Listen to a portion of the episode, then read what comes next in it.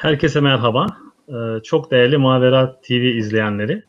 Ee, bugünkü e, konumuz e, ortodontik bozukluklar ve tedavide bütüncül yaklaşım. Çok değerli konuğum e, Doktor Özge Ekmen. Ortodonti uzmanı kendisi.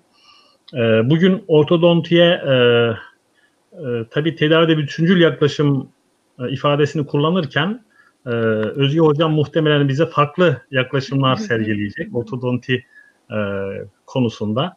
E, ben konuya hemen giriş yapmak istiyorum. E, değerli hocam e, hoş geldiniz. Bizi kırmadığınız için Hoş çok teşekkür bulduk. ederim. Ben teşekkür E, hocam isterseniz kısaca bir kendinizi tanıtmış olun. E, devamında da giriş yapalım konuya. Tamamdır. Ee, merhabalar tekrar. Ben Özge Ekmen. Ee, diş hekimiyim, ortodonti uzmanıyım. Diş hekimliği eğitimimi Ankara Üniversitesi Diş Hekimliği Fakültesi'nde tamamladım. Sonrasında İstanbul Üniversitesi Diş Hekimliği Fakültesi'nde Çapa'da ortodonti uzmanlığımı yaptım. Sonrasında orada yaklaşık bir 10 yıl kadar araştırma görevlisi olarak e, bir akademisyenlik deneyimim oldu. Oradan da ayrıldıktan sonra e, şimdi kendi özel muayenehanemde çalışmaktayım. Evet, Peki. Ortodonti Hocam nerede bulunuyorsunuz? E, lokasyon olarak Ataşehir'de. İstanbul, İstanbul Ataşehir'deyiz. Ataşehir'desiniz. Tamam. Hı hı. Ee, Özgü Hocam, e, ortodonti konusuna giriş yapalım. Ben sözü size bırakacağım. Ee, arada Tamam, bir e, yönlendirici belki e, sorular yönetmeye çalışacağım size. Ee, Tamamdır. İlk sorumu şöyle sorarak başlayalım isterseniz.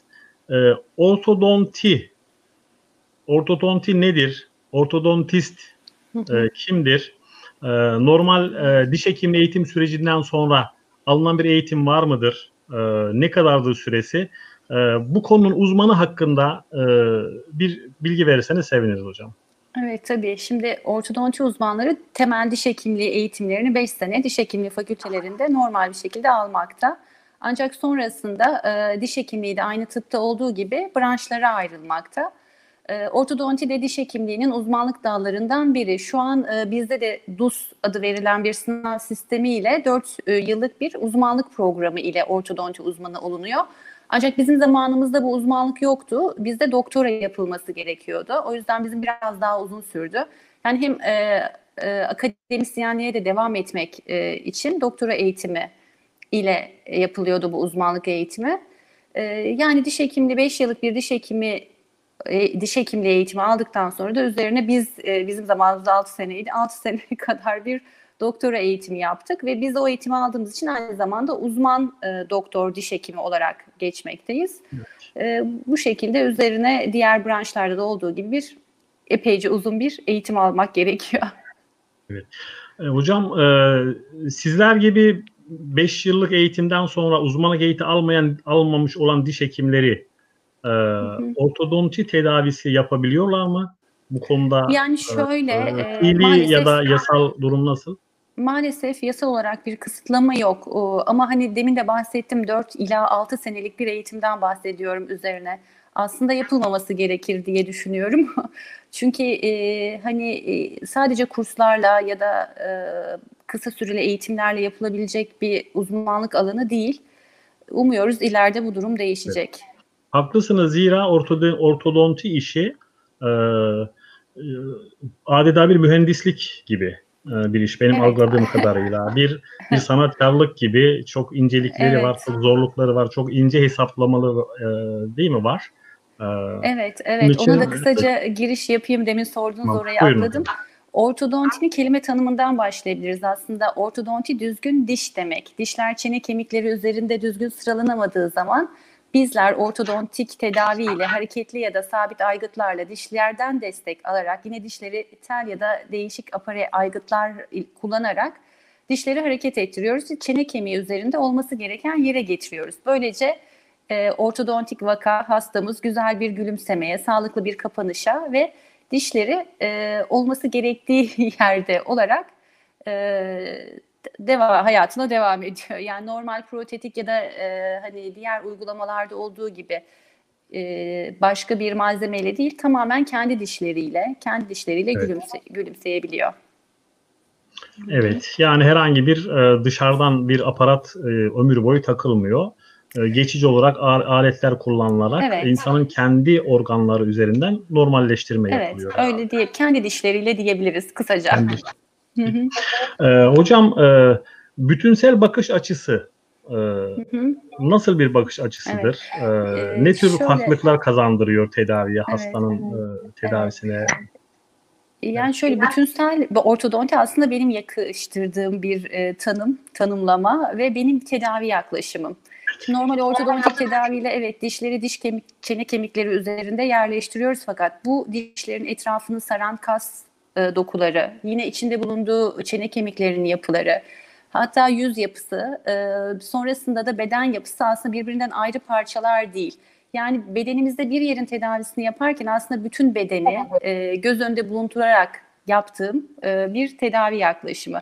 Yeni bir prosedür ya da yapılan işlemler ortodontik açıdan farklı değil fakat daha çok bu maloklüzyon dediğimiz kapanış bozukluğu ve diş çapraşıklıklarının oluşma sebebine yönelik bir yaklaşım. Yani önleyici bir yaklaşım e, anlamına geliyor Ee, herhalde. Bu Yani bütüncül yaklaşımda ya- göre değişiyor. Önleyici olarak da başlayabiliyor daha küçük yaşlarda. Daha sonrasında tel takarak yapıyoruz biz bu tedavileri. Tel takıp düzelttiğimiz vakalarda da fonksiyonu düzeltmeden e, ve hastanın o sağlıklı yapısına e, kavuşmadan tedaviyi bitirdiğimiz zaman tedaviler geri dönebiliyor. Bu dönüşleri engellemek adına daha e, bedene bütünsel açıdan bakan bir yaklaşım diyebilirim.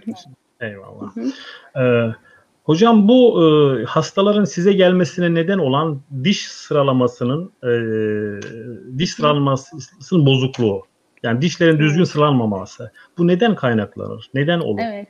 Hangi yaşlarda İşte- başlar? Şöyle e, aslında genetik e, hani eğer Evet. ailede varsa çocukta da görülebilme durumu oluyor. Fakat bütünsel yaklaşımın farkı burada zaten. Bütünsel yaklaşımda şöyle bir bakış açısı var. Şimdi bu e, maloklüzyonların sebeplerine bakıldığında ve eski insanlar incelendiğinde çene kemiklerinin gayet büyük olduğunu, tüm dişlerin kendilerine yer bula- bularak sıralandığını e, gözlemlenmiş yapılan çalışmalarda ve bu insan yapılarının daha sağlam, daha sağlıklı, daha kuvvetli olduğu görülmüş.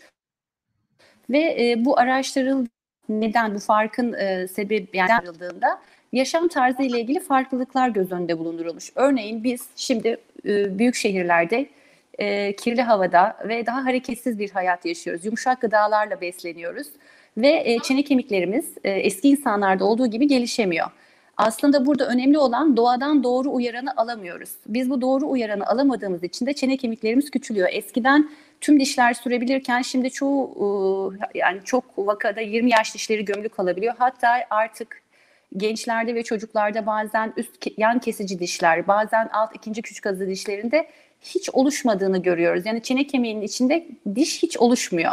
Bu bunların sebebine işte sebepleri araştırıldığında aslında fonksiyonel açıdan yetersiz kalmamız, doğru uyaranı kemiğimize ya bedenimize veremiyor olmamız ve e, buna yönelik yaklaşımlar. Mesela yeteri kadar sert gıdalarla beslenmemiz gerekiyor. Paketli, yumuşak ve işlenmiş gıdalardan değil, daha çok bütün e, bölmeden, küçük parçaları ayırmadan ve doğal haline e, uygun şekilde beslenmemiz gerekiyor. Bu maalesef çocuklarda özellikle önemli. Çünkü biz asıl e, etkiyi büyüme çağında elde ediyoruz. Bu doğru uyaranları çocuk büyürken verebilirsek e, doğru uyaranları alan kemikte doğru büyüyor ve e, gelişim sağlıklı bir şekilde devam ediyor.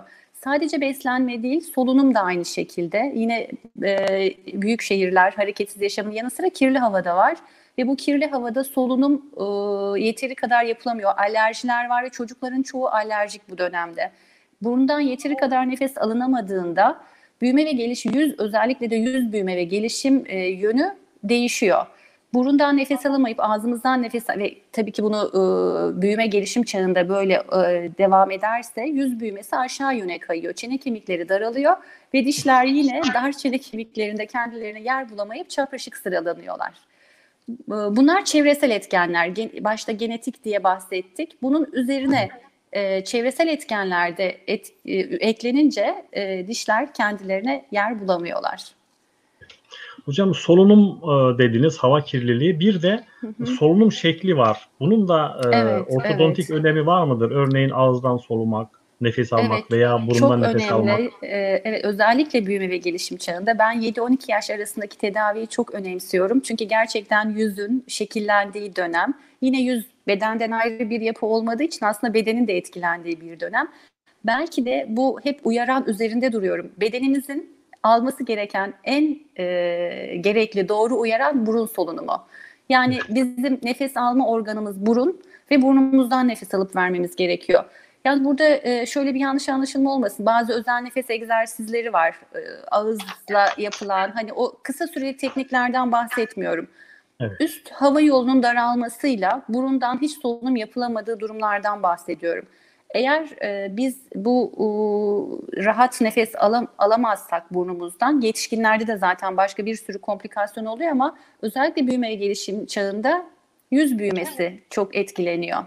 Ve e, ki e, özellikle uyku apnesi yaşayan çocuklarda burun solunumu yapılamadığı için bir sürü bilişsel komplikasyonla beraber e, çenelerde daralma, dişlerde sıralanamama ve e, kapanış bozuklukları görülmekte.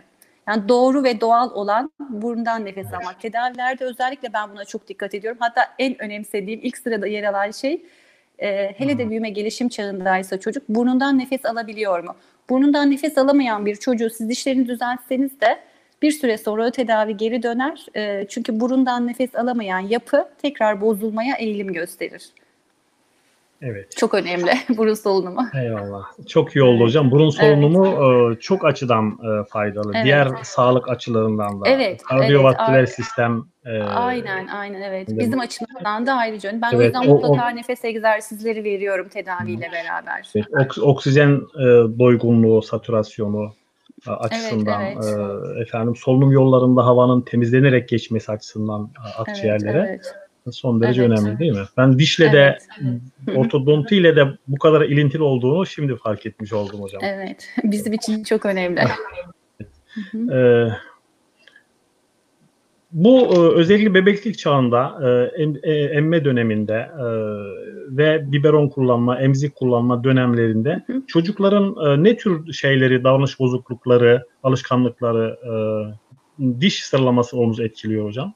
Evet, bu da çok önemli bir konu. Ee, Şimdi şöyle, e, en aslında beslenme de e, bizim yüz, diş çene yüz sistemimizin e, yapıları arasında yer, başlangıç yapıları arasında yer alıyor ve e, beslenme doğumla başlayan bir şey. Anne sütüyle beslenmek çok önemli. Yine hani hep uyarandan bahsediyoruz ya, e, kasların yeteri uyaranı alabilmesi için anne sütüyle beslenmek Hatta ortodontik tedavi ilk ilk e, önerim ortodontik açıdan e, bebeklere anne sütüyle beslenmek oluyor yeteri yeteri kadar. Fa- Fakat bazen bu anne sütüyle beslenmeden sonraki biberon dönemi uzayıp e, biberon kullanımı e, çok uzun süreler devam ederse ya da parmak emme, e, işte dudak ısırma, kalem ısırma gibi anormal fonksiyon dediğimiz e, fonksiyonlar meydana gelir ve gün içerisinde uzun sürelerde ve çok uzun e, zamana yayılacak şekilde devam ederse yine bu e, normal olmayan bir uyaran oluyor çene kemikleri için. Bu normal olmayan uyaranı alan kemik de ona göre şekilleniyor. Özellikle parmak emmeyi örnek verecek olursak parmak çok uzun sürelerde parmak emen çocuklarda üst damak e, yapısının daraldığı ve yine çapraşıklık e, bununla beraber hava yolunun da daraldığı. Çünkü kemikler öne doğru büyüyemediği için hava yolu da gelişemiyor ve e, bununla beraber birbirini tetikleyen e, işte sağlığı bozan durumlar meydana gelebiliyor. O yüzden mümkün olduğu kadar e, doğal süreçlerde gideceğiz. Doğal süreçte anne sütüyle beslenme, sonrasında ek gıdaya geçiş. Burada da önemli bir şey söylemek istiyorum. Özellikle e, ek gıdaya geçişte hep püreyle besleme eğilimindeyiz. E, püre yine çene kemiklerinin çiğneme fonksiyonunu yerine getirmesi için gerekli uyaranı vermiyor. Tabii ki burada annelerin kendilerini rahat hissetmesi ve güvenle beslemesi çok önemli çocukların. Hani ama e, BLV denen bir yöntem var. Bilmiyorum daha önce hiç e, Hmm. du- duydunuz mu? E, daha sert gıdalarla püre yerine çocuğun e, anne sütünden gıdaya geçişte kendi çiğneme fonksiyonunu kullanarak e, yaptığı bir geçiş aslında. Ama tabii bizim hani ülkemizde zor. Ben ben de çok rahat uygulayamadım bu yöntemi. E, yutar mı, kaçar mı gibi korkularımız oluyor. Ama Evet. püreyle beslemenin de böyle bir dezavantajı var. Yani e, işte bütünsel bakış açısında aslında doğumdan dişlerin sıralı tam tüm daimi dişlerin sıralanmasına kadar geçen süreçte doğru uyaranı vermek ve e, kasları kullanmak aslında. Evet. Tabii e, bu sert besinleri verme konusunda e, zor gerçekten. Evet. E, bizler de e, torun büyütüyoruz. Evet. Ee, tabii Yani peşinde şöyle, koşuyoruz. Ee, sert bir şey verdiğimiz zaman yutacak Evet, hepimiz evet. yani. Ee, Ya bunların uzmanları var bir şey olacak diye. artık yeni yeni Hmm. e, çocuk doktorları da destekliyor bildiğim kadarıyla. Hani belki bir uzmandan yardım alarak anneyi de biraz hani bu konuda eğiterek e, böyle bir şey yüz gelişimimiz için çok önemli. Bu arada yine araya bir şey söyleyeyim. E, Tabii. yeteri kadar hepimiz aslında yetişkin olarak bizler de e, yumuşak gıdalarla besleniyoruz artık eskisi gibi değil. Mesela bir elmayı küçük küçük dilimlere ayırarak değil de bir bütün şeklinde ısırarak yemek gerekiyor. Bunu çocuklara da önerebiliriz. Bir de burada sakız çiğnemeyi ben önerebilirim. Büyük ve Evet. sert sakız. Her ne kadar sağlıklı olanını bulmak zor olsa da günümüzde Hı. sakız çiğnemenin bu yerine getiremediğimiz çiğneme fonksiyonunu yerine getirmek için e, önemli bir araç olduğunu düşünüyorum ben. Evet. Evet bunu da e, duyurmuş olalım. Ee, Evet. şeker- şekersiz sakız e, yanımızda Evet. bulunduralım değil mi hocam? Şekersiz, sert e, ve şey. hatta bu şey pestiller falan yine çocuklara o çiğneme fonksiyonunu yerine getirebilmeleri için e, uyaran yani hani burada bütünsel e, başlığı adı altında söylemek en çok söylemek istediğim şey doğru uyaranı vermek bedene gelişimi için. Çünkü insan yapısı kompleks bir sistem. Genetik yapının üzerine çevreden aldığı her anlamda hani fiziksel, duygusal her anlamda çevreden aldığı uyaranlara Tabii. göre şekillenen bir yapıyız. Ve Evet. e, bu uyaranların sağlıklı olması gerekiyor. Tabii. Hocam e, metabolizma açısından da e, e, besinleri doğal bütün haliyle e, tüketmek Evet, çok önemli. evet. Onları Evet. lifleriyle efendim tüketmek sindirim açısından, Kesinlikle, bağırsaklar evet. açısından. E, ama maalesef artık bütün besinlerinin suyunu çıkarıyoruz. Her şeyin suyu çıktı. evet, gerçekten suyunu öyle. içiyoruz. E, e, dolayısıyla dişlerimizi uyaramıyoruz, diş ağız Evet. kaslarımızı uyaramıyoruz, bağırsaklarımızı uyaramıyoruz değil mi? Maalesef, maalesef evet. Burada e, bütünselin yani bütünsel başlığı e, altında bir şey daha söylemek istiyorum. Şimdi evet yüz büyüme ve gelişiminden bahsediyoruz ama bedenden ayrı bir yapı değil. Hele de şimdi okullar online oldu. Çocuklar çok fazla zihinsel uyarana maruz kalıyorlar dönemimizde. Yani her şey artık tablet başında, bilgisayarlar başında. Sistem o yöne doğru gidiyor. Bizim de yapabileceğimiz çok bir şey yok belki. O yüzden biz e, çocuklarımıza, ben özellikle bu yaş grubunu çok önemsiyorum. Çünkü hani geleceğimiz onlara, onların sağlıklı olması gerekiyor. E, biz bu e, atalarımız gibi yaşayamıyoruz, doğada değiliz. Bu uyaranları çocuklarımıza büyüme gelişim çağında vermemiz gerekiyor. Bir spor dalı olur, doğada fazla vakit olur, e, dans olur, e, yoga olur. E, hani bu uyaranları bir şekilde çünkü zihinsel evrim dediğim gibi önde gidiyor. Bedensel evrimimiz onu yakalayabilmiş durumda değil. Hı hı. Ve biz bu farkındalıkla, bedensel farkındalığımızı doğadan alamadığımız için bizim vermemiz gerekiyor. Evet, çok haklısınız hocam. Ee, Bu da aslında yüzle başlayıp bütün bedene yayılan bir şey. bütün- evet, evet. Yani bedenimiz bir bütün. Ee, Evet, birbirini evet. tamamlama özelliği var. Ee, hepsini e, sağlıklı e, ve doğal besinlerle e, desteklememiz gerekiyor. Evet ve burun Söylediğiniz gibi. solunumuyla. Evet, burun solunumu e, bahsettiğiniz e, e, sağlıklı doğal beslenme, e, yeteri kadar sert besin tüketme Hı hı. efendim ve e, zihinsel dinginlik. Evet, evet. Ah, eyvallah. evet. Ee, Evet. Ee, Hocam bu kötü kapanıştan bahsettiniz. Ee, Maloklüzyon tıbbi ifadesiyle. Evet. Ne tür kötü kapanış pozisyonları oluyor e, sizin müdahale etmeniz gereken ya da e, ortodonti tedavisi gerektiren? Evet. Şöyle aslında genel olarak e, e, sınıf 1 dediğimiz bir kapanış ideal kapanış hali. Üst çenenin alt çeneyi kutu kapağı gibi örttüğü. Evet. Yani üst dişlerin hafif önde, 2 milimetre kadar önde e, ve alt dişlerinde onun e, hemen e, akabinde yer aldığı bir kapanış sistemi. Eğer alt çene çok geride olursa, öne doğru gelişemezse ki bunun sebepleri arasında üst çenenin yeteri kadar genişlememiş olması da olabilir. E, Buna sınıf 2 kapanış diyoruz. Alt çenenin geride olduğu.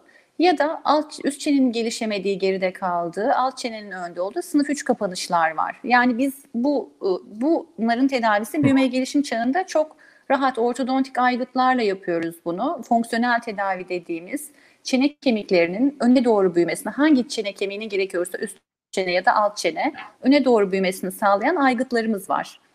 Sabit ya da hareketli. Bunların yardımıyla kuvvet uygulayarak çene kemiklerinin işte uyaranı, o zaman tedavi dediğimiz şey uyaranın zorla verilmesi. Alamamış uyaranı biz veriyoruz.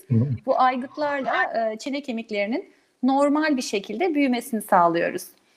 E, ileriler, ilerilikler, gerilikler ya da darlıklar olabiliyor ve dişler de üzerinde çapraşık bir şekilde sıralanıyor. Bunlar genel evet. olarak. Hocam e, ortodontinin detayları çok geniş. E, evet. Her birine çok zaman ayırmamız gerekir. E, dilerseniz e, teda e, teşhis e, kısmında söyleyecekleriniz varsa e, onu alalım. Devamında da e, ortodonti tedavisi nasıl yapılıyor, neler kullanılıyor? E, özellikle sabit şeyler, özellikle en çok kullanılan e, apareyler, tel takma, onların evet. Şimdi son teknoloji çıkan evet. çeşitleri, türleri. E, bunlardan bahsedelim evet. istersen. Evet, kısaca onları da anlatayım. Ee, şimdi şöyle ortodontik tedavide hareketli e, sabit diye genel olarak çok e, şey olarak ikiye ayırıyoruz e, o, kullandığımız aygıtları. E, bunlar e, artık yeni dönemde şeffaf plaklarla yapılanlar da var. Sadece tel takarak değil. Evet. E, böyle takmalı çıkarmalı şeffaf plaklarla da tedaviler meydana gelebiliyor. Bunlar işte ya da genişletme plakları dediğimiz plaklar takabiliyoruz. Ee, onların dışında taktı genelde evet ama yüzde e, seksen o braket dediğimiz küçük metal parçalarla onların üzerine de tel geçirerek dişleri onların üzerinde hareket ettiriyoruz. Teşhis kısmını e, şöyle söyleyebilirim. Aslında bir ortodontik e, muayene e, yaşına 5 yaşında başlamak lazım. Çocuğun yüz gelişimi nasıl, aileden aldığı genetik yapı nasıl, nasıl bir, bir büyüme modeli gösteriyor. 5 yaşından itibaren bir ortodonti uzmanına görün, görünülmesini tavsiye ederim. Yani Ama hiçbir hani, sorun hiçbir sorun da, yaşanmasa evet, da 5 evet, evet, yaşında evet. tavsiye ediyoruz ki gelecekte evet. bir sorun önlenmiş olsun. Evet ve bu fonksiyonlar işte benim o bütünsel dediğim solunum normal mi, e, işte beslenme şekli nasıl, e, dur ağız dil dudak duruşu nasıl, kapanışı nasıl gibi e, genel bir değerlendirme. 5 yaşında hemen tedavi etmiyoruz tabii ama özellikle e, 7 yaşından sonra bu büyümeye gelişimde bir sapma varsa müdahale edebiliyoruz ve çok güzel cevaplar alabiliyoruz. O yüzden bu yaşta ama zaten ailelerin çok büyük bir gerilik ya da ilerilik varsa bunu çok rahat gözlemleyebiliyorlar. Özellikle böyle şiddetli iskeletsel durumlarda erken e, başvurmanın çok büyük faydası var. Ee, hocam hasta size geldiği zaman e, ondan ne tür hazırlıklar istiyorsunuz ve siz e, tedavi öncesi e, neler yapıyorsunuz, neler uyguluyorsunuz ağız içinde? Yani şöyle e, hani hastada en büyük beklentimiz temiz bakması tabii ki. Hani, hani evet. her zaman sadece kliniğe gelirken değil dişlerini güzel fırçalayıp sağlıklı diş ve diş etleri olması. Eğer dişler çürükse ve e, çünkü biz onların üzerine aparey aygıt yerleştiriyoruz. Hı. Eğer e, dişler sağlıklı değilse biz o tedaviyi yapamıyoruz. İlk e, aradığımız şart dişlerin sağlıklı ve temiz olması. Onun ıı, dışında hani çok özel bir işte şunun olması gerekir dediğimiz genel sistemik durum tabii ki önemli. Çene kemiğinde dişler hareket ettiği için genel sistemik durumun da sağlıklı olması bizim için önemli. Yani tabii ki hani e, kullandıkları ilaçlar olabiliyor. E, onların e, düzgün alınmış olması ya da hani onunla ilgili yeteri kadar bilgi sahibi e, olmamız gerekiyor. Bunların mutlaka doktora söylenmesi gerekiyor ve e, işte rutin kontrol nasıl bir diş hekimine rutin kontrole gidiliyorsa ortodonti evet. uzmanına da gelişim döneminde gidilmesi önemli. Evet. Haklısınız. ee, hocam e, çürük dişler var. Size gelen hastada ortodontik e, sorunu var. Tedavi olması gerekiyor ama ağzında çürük dişleri var. Ee, bu dişleri, çürük dişleri çekiyor musunuz yoksa e, efendim temizlik mi yapıyorsunuz? Ee, bir de e, yani ben tabii e, uzaktan bakarak şöyle e, görüyorum. Bu braketlerin takılması için dişlerin hareketliliğin sağlanması için bir alan açılması gerekir değil mi? Diş çok sıkışıksa, evet. yanında da onu sıkıştıran evet, diş varsa, evet. sağlıklı diş varsa bu durumlarda evet. ne yapıyorsunuz? Yani sağlıklı evet. dişi de çekmek zorunda çok kalıyor musunuz? Çok güzel bir soru. Teşekkür ederim.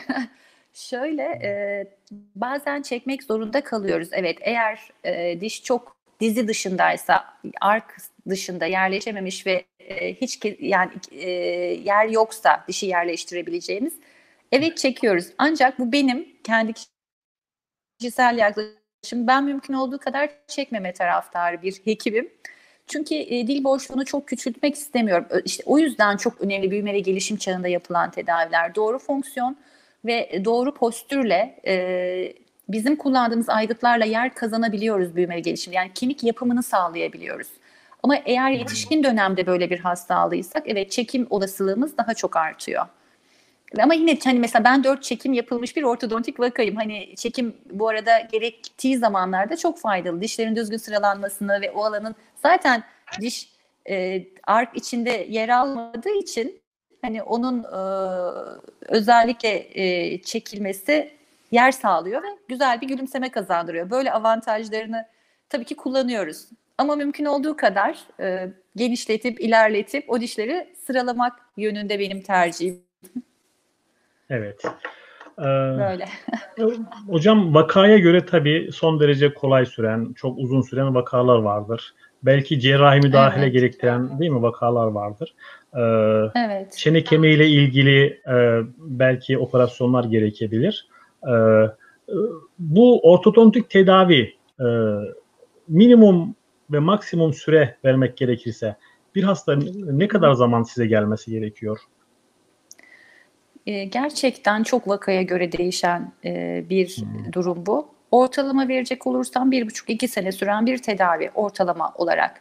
Ancak çok hafif bir çapraşıklık vardır, kapanışı normaldir. Sadece estetik bir düzeltme yapacağız. Hani Yine e, 10 ay ila 12 ay mutlaka sürer tedavi. E, ya da bir cerrahi vakadır dediğiniz gibi e, bu demin bahsettiğim çok ileri ya da çok geri olması durumlarında e, büyüme ve gelişim dönemi tam bittiyse eğer vakanın e, cerrahi destekli tedaviler yapılıyor. Yani ortodontik tedaviyle beraber, tellerle beraber arada bir cerrahi operasyon geçirmesi gerekiyor. O yüzden bu süreyi tabii ki uzatıyor. Ama e, maksimum iki buçuk. Hmm, eğer bir büyüme gelişim takibi değilse mesela hani ben özellikle 8 yaşında başlıyorsa bir çocuğun tedavisinde alt çenesinde ilerilik varsa bu çocuğun büyüme ve gelişim ve bitene kadar takip edilmesi gerekir. Çünkü genetik model tekrar kendini gösterebilir ve bizim kazandığımız durum bozulabilir. Hani takip süresiyle beraber daha uzun sürelerde olabiliyor ortalama olarak iki sene deyip böyle tamamlayabilirim. Evet. Ee, ya, yani iki sene boyunca e, aynı insanı iki yıl boyunca takip etmek e, herhalde kolay bir evet. iş olmasa gerek. E, bu işi sevmek evet, gerekiyor evet. değil mi hocam? Evet, evet. Yani doktorluktan biraz çıkıyor tabii artık iki sene her ay evet. e, görüldüğü zaman e, başka bir evet bazen rehber öğretmen oluyorsunuz bazen evet. yani çok gerçekten değişik bir hekimlik ilişkisi diyebilirim. Eyvallah. Ee, hocam e, bu braketlere gelelim isterseniz braket kullanımına. Ee, şimdi braket hareketli herhalde aparatlar. Ee, bir de sabit e, şeffaf şeyler var evet. e, aparatlar var. Bunlar Tam da tersi. çok sorulan, merak edilen, ters söyledim Evet. galiba. Şey, hareketli evet. olanlar şeffaf, sabit olanlar evet. braket. Doğru onlar çıkartılıyor, takılıyor e, evet. vesaire. Hı-hı. Bu da çok sorulan, çok merak evet. edilen konulardan bir tanesi. Bunlar biri diğerinin alternatifi midir? Yoksa hastanın ihtiyacına göre mi e, tercih etmek gerekiyor hocam? Aslında ikisi de doğru. Hem biri diğerinin alternatifi evet şeffaf plaklarla takıp çıkarılabilen e, plaklarla da braketlerin yaptığı hareketler yapılabiliyor artık e, iyi bir teknolojiyle. Gerçekten artık plaklarla da braketlerin yaptığı hareketlerin e, çoğu sağlanabiliyor. Estetik bir e, avant, yani estetik bir e, aygıt olduğu için avantajlı durumda braketlere göre. Takıp çıkarılabilir olması Yine o braketin işte sert bir şey yememek, şimdi biz hep sert şeyler yiyoruz ama braket takılınca da sert şeyler yendiğinde braketler kopuyor. Ve Evet. yemek yerken bu aygıtlar çıkarılabildiği için e, daha avantajlı kullanım açısından. Fakat kooperasyon gerekiyor. Eğer hasta bunu takmazsa ya da bu tedaviyi e, hani işte her plak belli bir sürelerde takılması gerekiyor. Eğer takılmazsa sabit tedavi kadar, braket dediğimiz tedavi kadar da etkin olmuyor bu sefer. Kontrol hekimde olmuyor yani kontrol hastada oluyor. Ve e, Evet. bu durumda çok iyi bir gerçekten e, kooperasyon gerekiyor. Evet. Ee, şeffaf Yine de plakların vakaya göre seçilebiliyor diyebiliriz. evet. Mutlaka e, şeffaf braket takılmış hastalara siz bilgi veriyorsunuz e, doğru kullanımla ilgili Tabii ama tabii, hiç evet. tedavi görmemiş izleyicilerimiz açısından şeffaf braket e, plakların kullanımı e, kolay mıdır hocam? E, bir de bunların her yemek yerken çıkarılıp takılması gibi bir durum var mıdır? E, hastayı zorlayan bir tarafı var mı? Veya o hijyeni Evet, yani sıkıntıya bu sokan, zorluk ağız hijyenini.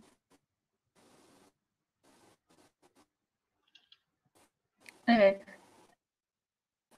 Şöyle zorluk kolay kısmı gerçekten çok kullanıcıya şimdi çıkarı göre daha kolay. Hani dişleri için Evet hocam e, rica. görüntü evet biraz internet hızında Tamam. sorun yaşıyoruz acaba?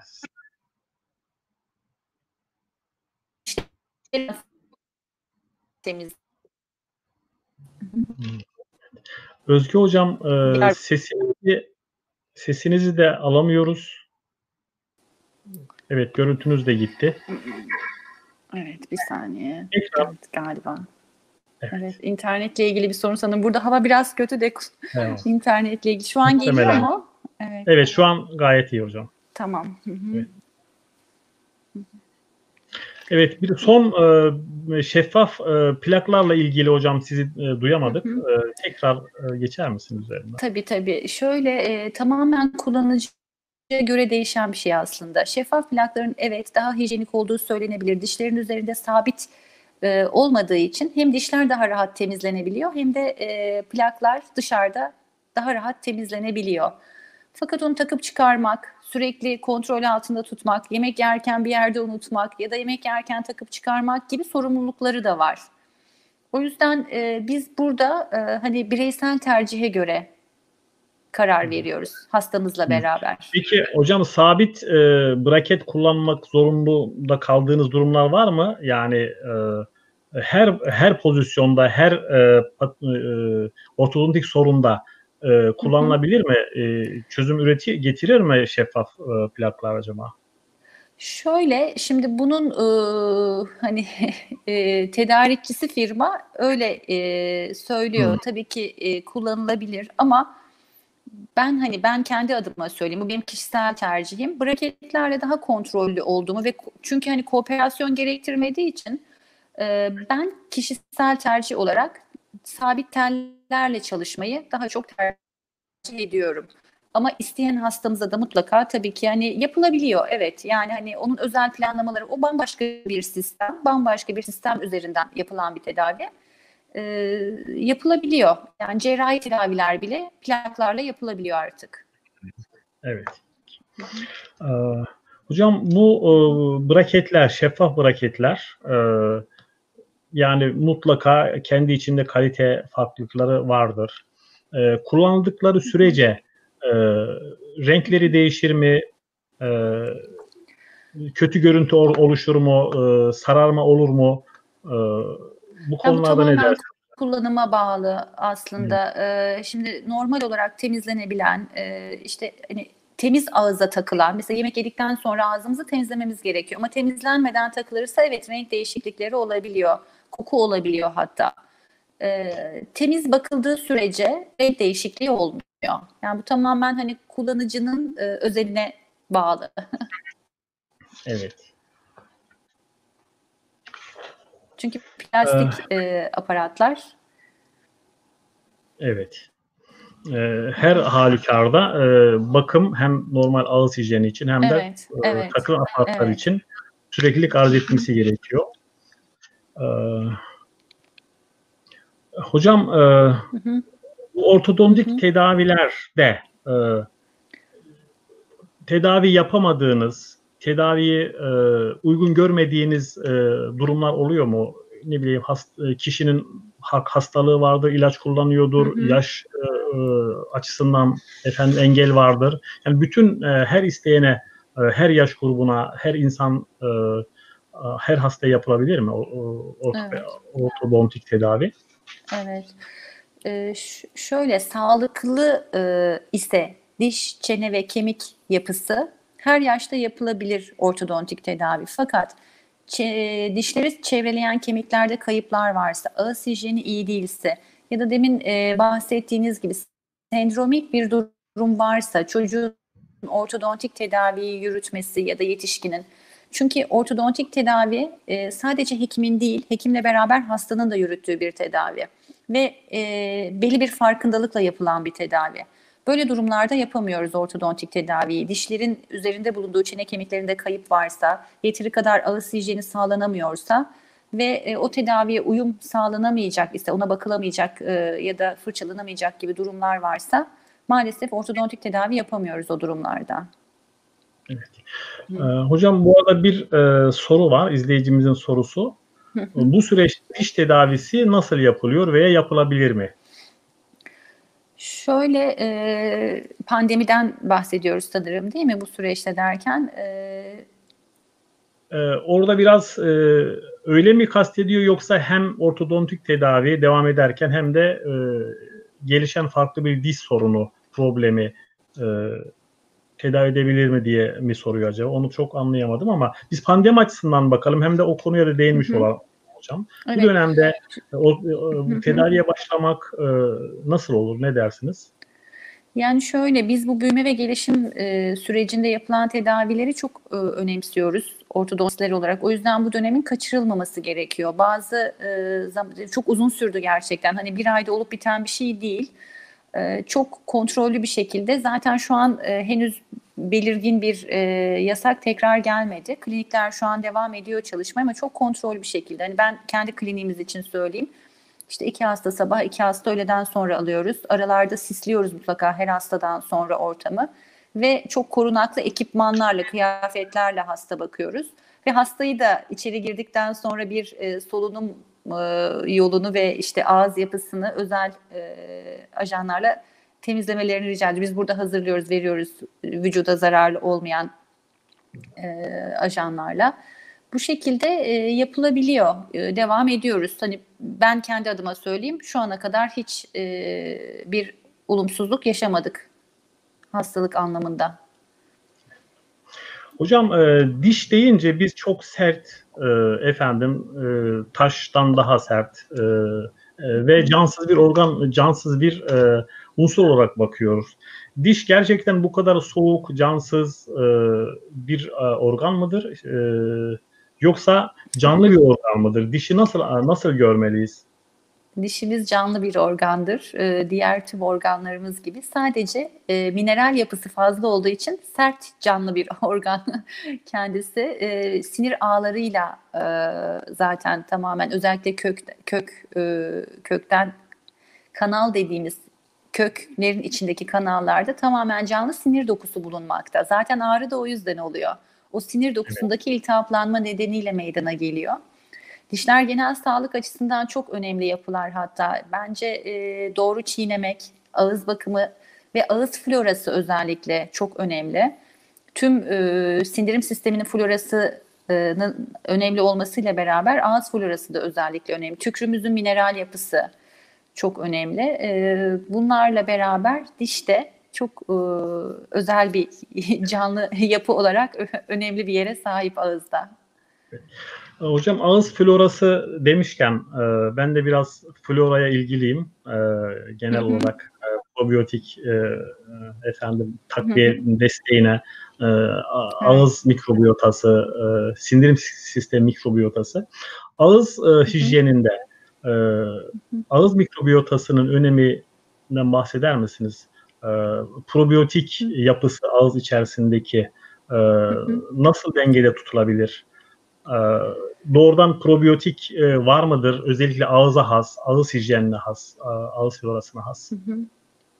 Yani şöyle son zamanlarda yeni probiyotik gargaralar çıktı. Ee, bildiğim kadarıyla çok yaygın değil. Maalesef hala bu işte market raflarında da gördüğümüz flor içerikli gargaralar kullanılıyor. Evet hijyen sağlıyorlar fakat ağız florasına ne kadar etkili ya ağız florasını ne kadar korudukları ile ilgili yeterli çalışmalar yok. Sadece çürük üzerine yapılan çalışmalar var. Flor içerikleri nedeniyle koruyorlar. Fakat ağız florası dendiğinde orada bir hani mikrobiyata dediğiniz e, durum o canlıların dengede olması gerekiyor.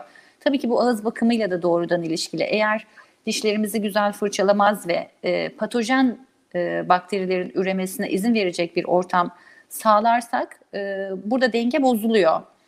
Bunu e, aslında beslenmeyle de çok ilgili. Hani sadece bakım değil, bizim yediğimiz besinlerle de ilgili. Bizim e, sindirim sistemimizin bağırsak, e, ince bağırsak e, ve tüm sindirim sisteminin florası iyi olursa ağız floramız da iyi oluyor. Yani ağız yine demin dediğim gibi hani ağız ayrı bir bölüm, onun florası ayrı bir şekilde değerlendirmek yerine tüm sistemi sağlıklı ve e, florayı zenginleştirecek, daha dengeli tutacak şekilde besledip yaşamak ve onu bozacak ajanlardan belki uzak durmak etkili olabilir. Evet. Ağız florasının dengeli olmasında ve tükürük yapısının evet. da sağlıklı olmasında. Evet hocam. Ee, ağız florası, ağız bakımı, e, ağız hijyeni derken e, diş etleri e, ne hatırlamış oldum. Hocam sağlıklı bir diş etinden bahseder misiniz? Ee, nasıl anlarız diş etimizin sağlıklı olduğunu? Görüntüsünden mi, renginden mi ya da başka ne tür evet. şeyler Şöyle, anlarsın? Aslında tabii ki e, sağlıklı bir diş eti dediğimiz zaman tatlı pembe bir renktedir. Sağlıklıdır böyle. Hani evet. onun e, kanamayan, e, dokunulduğu zaman kanamayan e, ve e, o pembe rengi bu bazen çok kanamalı dişlerde böyle hatta mora e, doğru gittiğini görürüz diş etlerinin. Evet. E, bu şekilde yani sağlıklı bir pembedir sağlıklı olan diş etinin rengi. Pembe renkli evet. Evet. Evet. Hı hı. Ee, Ve kanam kanamayacak yani kanamaması kanamayacak. okunduğumuz hı. zaman. Evet. Evet. Evet. Ee, ortodontik tedavide kullanılan e, braketler hocam. E, bu braketlerin o ilk takıldığı aşama hastanın işte e, uygulama esnasındaki işte eve gittikten sonra birkaç gün bu çok ağrılı acılı geçen bir süreç mi? E, hastalarım biraz korkutuyor mu bu durum? Ya şöyle bu aslında eskiden kalma bir inanış mı desem. Eskiden çok daha farklı apareyler kullanılıyordu ve işlem daha zordu, daha uzun sürüyordu. Şimdiki teknolojiyle yeni e, kullandığımız teknolojik aygıtlarla diyeyim daha çok e, üretim teknolojisi arttığı için bizim e, kullandığımız apareylerin de e, konforu arttı. O yüzden evet. yani ben öyle geri dönüşler çok almıyorum. Ama tabii ki bu da bireysel değişkenlikle çok ilgili bir şey. Hani eğer çok hassas bir yapıda çünkü sonuçta ağzımızda olmayan bir şeyi taşımaya başlıyoruz. Hiç yokken dişlerin üzerinde demir, demir parçalar taşımaya başlıyoruz. Buna e, hassasiyet gösterebiliyoruz tabii ki bazen bazı durumlarda. Ama genel olarak öyle çok ağrı, acı e, değil de bir alışma süreci. Hani hiç olmayan bir şeyin birkaç gün böyle belki diş köklerinde diş hareketi başlayınca tatlı kaşıntı şeklinde e, bir his hı hı. diyebilirim. Benim daha çok aldığım dönüşler. Evet. Ee, diş ortodonti tedavisinden sonra dişler düzgün bir sıralama yapılıyor, normal haline geliyor ee, evet. ve hasta artık tedavi olmuş oluyor. Bunun tekrar evet. geri dönüşüm riski var mı? Ee, bunun evet. bunu önleyici çalışmalar var mı hocam? Neler yapıyorsunuz? Evet, evet e, maalesef ortodontik tedavi eğer yeter gerekli önlemler alınmazsa geri dönebiliyor. Ama şunu belirtmek isterim, asla ilk haline dönmez bir ortodontik tedavi. Sadece ufak tefek bozulmalar meydana gelebilir. Ve biz bunu önlemek için pekiştirme tedavisi denilen bir tedavi uyguluyoruz. Bunun farklı yöntemleri var. Ya sabit bir şekilde dişlerin arkasında ince bir telden e, bir e, tutucu yapıyoruz ya da bu demin bahsettiğimiz şeffaf plaklar gibi e, ya işte eğer ince tel yapılmadıysa gece gündüz kullanılan, yapıldıysa da geceleri kullanılan, ben genelde ikisini de yapıyorum. e, dişi koruyan ve bunun bir süre daha sanki tel tedavisi bitmemiş gibi bir süreçte pekiştirme tedavisine ayırıyoruz. Ve bu sürecin önemini ben çok e, vurguluyorum. Çünkü yapılan işin kalıcı olması için pekiştirme sürecinin de çok özenli bir şekilde tamamlanması gerekiyor. Şeffaf plaklarla ya da arkadan yaptığımız ince tellerle durumu korumaya çalışıyoruz. Ne kadar zaman kullanılıyor hocam bu pekiştirme aparatları? Ee, şöyle hastanın Değişiyordur ama. kadar diyorum ama minimum iki sene. Evet. Ee, hocam dikkatimi çektiği için size onu da sormadan geçemeyeceğim. Ee, uyku apnesinin e, ortodontik sorunlarla bir şey var mı ilintisi? Evet şöyle e, uyku apnesi eğer varsa e, mesela örneğin bir çocuk hastada rahat solunum yapamadığı için demin bahsettiğimiz gibi burun solunumu yapamadığı için hava yolu daralması nedeniyle çene kemikleri büyümesi gerektiği yönde büyümüyorlar. Ve e, çene kemiklerinde daralma ya da e, işte aşağı doğru büyüme meydana geliyor. Bu daralma nedeniyle de dişler kendilerine sıralanacak yer bulamıyorlar. Ve ortodontik bozukluklar meydana geliyor uyku apnesi nedeniyle. Gelebiliyor öyle söyleyeyim. Biz özel ortodontik aygıtlarla özellikle üst çene genişletilmesi ya da alt çenenin ileri alınmasıyla hem hava yolunu genişletecek hem de, hem de çene kemiklerini olması gereken yönde büyümesini sağlayacak şekilde kuvvetler uygulayarak tedavi ediyoruz. Böyle çalışmalar da var. E, literatürde çok fazla. Ortodontik tedavi görmüş örneğin üst çenesi genişletilmiş vakalarda uyku apnesi tablosunun gerilediği bildirilmiş. Ya da alt çenesinin öne alınan e, çocuklarda bu tablonun gerilediği bildirilmiş. Hı hı. Ee, bir de Yani e, aslında uyku apnesi e, tedavisinin bir bölümü. Evet. Bir evet e, sizinle e, ilişkili bir e, durum. Yani uyku apnesi Evet, e, ortodontik e, süreci başlatabiliyor, değil mi hocam? evet, evet. Hı hı. Başka Bir de e, bu çocuklarda e, çocukluk çağında başlamış oluyor herhalde. Belki doğumdan itibaren de olabilir. E, dudak e, yarı, dudak damak yarı problem oluyor bazı çocuklarda. Bunlar da Evet. sizin alanınıza giriyor mu hocam? Evet evet ben fakültedeyken özellikle o bebeklerle çalışıyordum. İlk doğdukları andan e, itibaren bu e, tabii ki beslenemiyorlar. Beslenme plakları yapılması gerekiyor. Eğer damak yarığı da varsa dudak yarığı ile beraber ya sadece dudakta oluyor ya da dudak damak birlikte olabiliyor. Bazen de damakta oluyor, dudakta olmuyor daha ender durumlarda.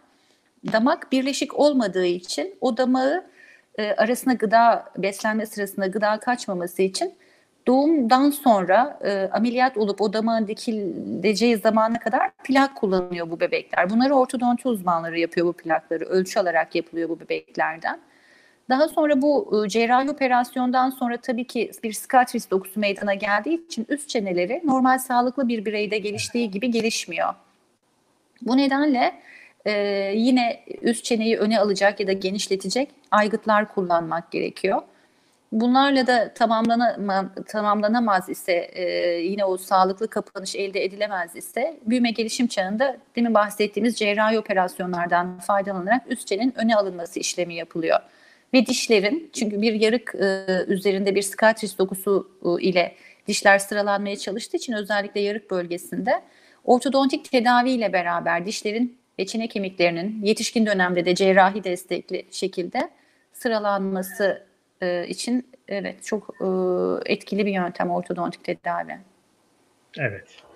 Ee, hocam ortodontik tedavi gerçekten çok uzun süren, zahmetli. E, efendim insan hayatını bir nevi ortodonti randevularına göre ayarlıyor.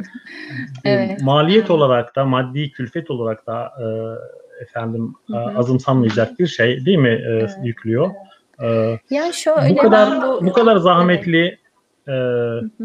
e, bir işlemin e, başarısız olması da büyük bir kayıp gerçekten. Evet. Başarılı olması için, kalıcı olması için, e, yaşam kalitesini en üst düzeyde tutmak için Hı hı. bu tedavi olan e, hastalarınıza e, neler önerirsiniz hocam? Ee, en önemli kısmı pekiştirme tedavilerinde tedavi bitti gibi algılayıp tedaviyi sonlandırmamaları. O kısmını Mutlaka- bırakmasınlar kesinlikle. Evet, doktorlarına gitmeye devam etmeleri. Ben mesela mutlaka randevu veriyorum. Hani tedavi teller çıkmış olabilir ama görüşmeye devam edeceğiz diye. Pekiştirme süreçlerini hiç ihmal etmemeleri gerekiyor ve en ufak bir bozulma, kırılma, kullandıkları apareylerde bir sorun olduğunda doktorlarına hemen başvurmaları gerekiyor ki süreç uzamasın. Böyle bu arada şunu araya bir söylemek istiyorum izninizle. Ee, şimdi e, kendi dişleriyle yapılan bir tedavi olduğu için ileride protez yapılması ya da bu tedavilerin başka bir restoratif yöntemle yapılması inanın çok daha pahalı.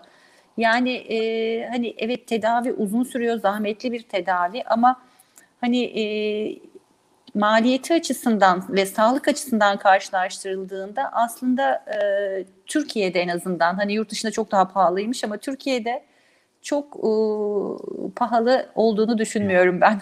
Değil hocam yurt dışından beni arayıp sor- sorduklarında fark ediyorum. İnanılmaz Evet. fark var. Ve Türkiye'ye geliyorlar e, efendim bu tür ortodontik tedaviler için. E, Evet. Dişlerdeki bir takım e, şey e, e, kaplama, laminasyon Evet. işlemleri için. O kaplamalar hem doğal değil, kendi dişleri değil ve ileride e, kendi dişleriyle kullanılacakları bir ağız yapısının hani e, kaplamalara göre çok daha uygun olduğunu düşünüyorum ben Evet. fiyat olarak. Eyvallah. Hocam ben e, soru soruyorum ama asıl sizin anlatmak istedikleriniz e, daha önemli. E. e, Notlarınızda veya düşündükleriniz içerisinde kalan konular varsa onları dinleyebiliriz hocam. Ya aslında Özellikle şöyle son. Evet, son olarak şöyle bir e, özetleme yapmak istiyorum ben. Hani e, beslenmeden, solunumdan bahsettik, bütünsel yaklaşımdan bahsettik. Bu beslenmede doğumla başlayan bir süreç olduğu için hani doğumdan itibaren belli bir yaşa kadar ortodontik olarak nelere dikkat ediliyor ya da nasıl tedaviler yapılıyor gibi son bir özetleme yapabilirim. E, e, Evet hocam çok seviniriz. Ee, şöyle dediğim gibi hani beslenme doğumla başlayan bir süreç olduğu için 0-2 yaş arasında anne sütüyle beslenmeyi çok önemsiyoruz. Bunlar ortodontik tavsiyeler başlığı altında geçecek olursa hani sayısız faydasının yanı sıra yüz gelişimi için de çok önemli. 2-5 yaş arasında yine solunumun takibi ve e, burun solunumunun yapılıp yapılamadığının kontrol edilmesi. Çok pardon. Özür dilerim. Evet bir alerjik durum. Bu dönemde öksürmek de e, riskli. Ya şöyle havalandırmadan dolayı uzun süredir konuşuyorum ya Evet doğru. ondan etkilendi. 5 yaşından sonra yine de uzman kontrolünde solunumla beraber belki gerekirse önleyici tedavilerin yapılması önerilebilir. 7 yaşından sonra dişler tam sürmeye başlayıp o dönemde yine aktif gerekirse plaklar yapılabilir. Asıl en önemli dönem 7-12 yaş arası. Ee, gerekiyorsa işte bütünsel fonksiyonel tedaviler. 12-15 yaş arasında daha kısıtlayıcı cevaplar alıyoruz büyüme tamamlandığı için. 15 yaş sonrası ve büyüme gelişimi tamamlandıktan sonra da cerrahi destekli ortodontik tedavilerle süreci yönetiyoruz. Evet. Hocam çocuklarda e, burun solunumunu e, yoksa eğer e, çocuklara burun solunumu yaptırmanın bir şeyi e, var mı tekniği önereceğiniz? Yani Nasıl şöyle işte özellikle o olabiliriz? 2-5 yaş arasında ben çeşitli oyunlar öneriyorum e, Hı. annelere geldiklerinde muayene ettikten sonra. Hı. Mesela hani dudağı kapatıp ya da dudağın arasına bir tahta çubuk olabilir e, yerleştirip Hı. burnundan nefes al topu at gibi. Hani amaç burada Evet. farkındalık kazandırmak çocuğa. Nefes alma organı burun burnumuzun çalışması gerekiyor. Bu sadece oyunla. Yaş ilerledikçe yine mesela beraber yapıyoruz. Evde benim de 7,5 yaşında ikizlerim var. İşte e, hadi şimdi beş kere nefes veriyoruz, beş kere nefes alıyoruz gibi böyle e, destekleyerek onlarla beraber oyunlar önerebilirim. E, sonrasında ama tabii ki eğer ciddi bir tıkanıklık varsa bir kulak burun boğaz uzmanının görmesi çok e, önemli. O tıkanıklığın sebebi ne, e, medikal olarak yapılabilecek bir şey var mı e, gibi destekte almak gerekebilir zaman zaman. Eyvallah. Hocam e, size son olarak e, şunu sormak isterim. E, ortodontiye e, hastalarınız ve genelde insanlar e, nasıl bakıyorlar? Yani bir kozmetik e, yönü mü ağırlık basıyor yoksa hastalık yönü mü ağırlık basıyor? Siz nasıl görüyorsunuz? Yani şöyle yetişkinler genelde kozmetik e, amaçlı başvuruyorlar. E, çünkü hani artık o yaşta zaten dişlerin sıralanması. Hani e, ya restoratif bir uygulama yapılacak ya da ortodontik bir uygulama yapılacak. O yüzden amaç genelde estetik oluyor. Fakat büyüme ve gelişim çağında yine estetik tabii. Yani sonuçta e, sağlıklı büyüyüp ideal bir yüz estetiğine ve gülümsemeye sahip olmak hani ortodontik tedavinin amacı. Ama bunu sağlıkla da birleştirip özellikle işte uyku apnesi mesela en önemli medikal durumlardan biri. Ee, bu büyüme ve gelişim çağında daha çok e, estetiğe giden sağlık yolu diyebiliriz. Evet. Sanırım bir sağlık yönü de e, hocam şey e, bazı e, ortodontik sorunlar e, ağız hijyeninin e, sürdürülmesini Ha, zorlaştırabiliyor değil mi? Evet evet hem öyle hem de fırçalanmayı da zorlaştırıyor ve o alanlar temizlenemediği için üst üste olan dişlerde sıralamak çok büyük bir genel olarak e, sağlık kazancı. Onun dışında eklem problemleri ne sebep oluyor kapanış bozuklukları. Eğer bir eklem problemi varsa o da sağlık açısından kapanışın düzeltilmesi gerekiyor. Bu da ortodontik tedaviyle gerçekleştiriliyor. Kapanışın düzeltilmesi ve dolaylı olarak ekleme olan etkisi. Hocam e, ben sizi daha fazla tutmak e, istemeyeceğim çünkü ederim. var biliyorum. Bu bize böyle bir bir saatlik alan bıraktınız, boşluk ürettiniz. Çok teşekkür ediyorum. Çok Rica mutlu oldum. ederim. Ben ben Ee, teşekkür ederim. Tekrar görüşmeyi arzu ederiz hocam. E, Teşekkürler. Sağ olun. çok sağ olun. E, çok mutlu olduk. E, Evet. Bize onur verdiniz. E, Rica son olarak e, izleyicilerimize sonradan katılanlar için tekrar e, nerede bulunduğunuzu, bölgenizi, bilgisini verirseniz hocam e, sizinle m, bilginize başvurmak isteyen hastalarımız için, izleyenlerimiz için iyi olur. Tabii ki Ataşehir'de özel bir muayenehanede çalışıyorum ben. Ee, ben de ayrıca çok teşekkür ederim. Bunları anlatma fırsatı bulabildiğim için. Umarım faydalı olmuştur. Evet. Öyle. Kesinlikle e, kuşkusuz hocam. E, tekrar teşekkür ediyorum. Sağlıklı günler diliyorum. Hoşça kalın. Çok sağ olun. Hoşçakalın. İyi günler.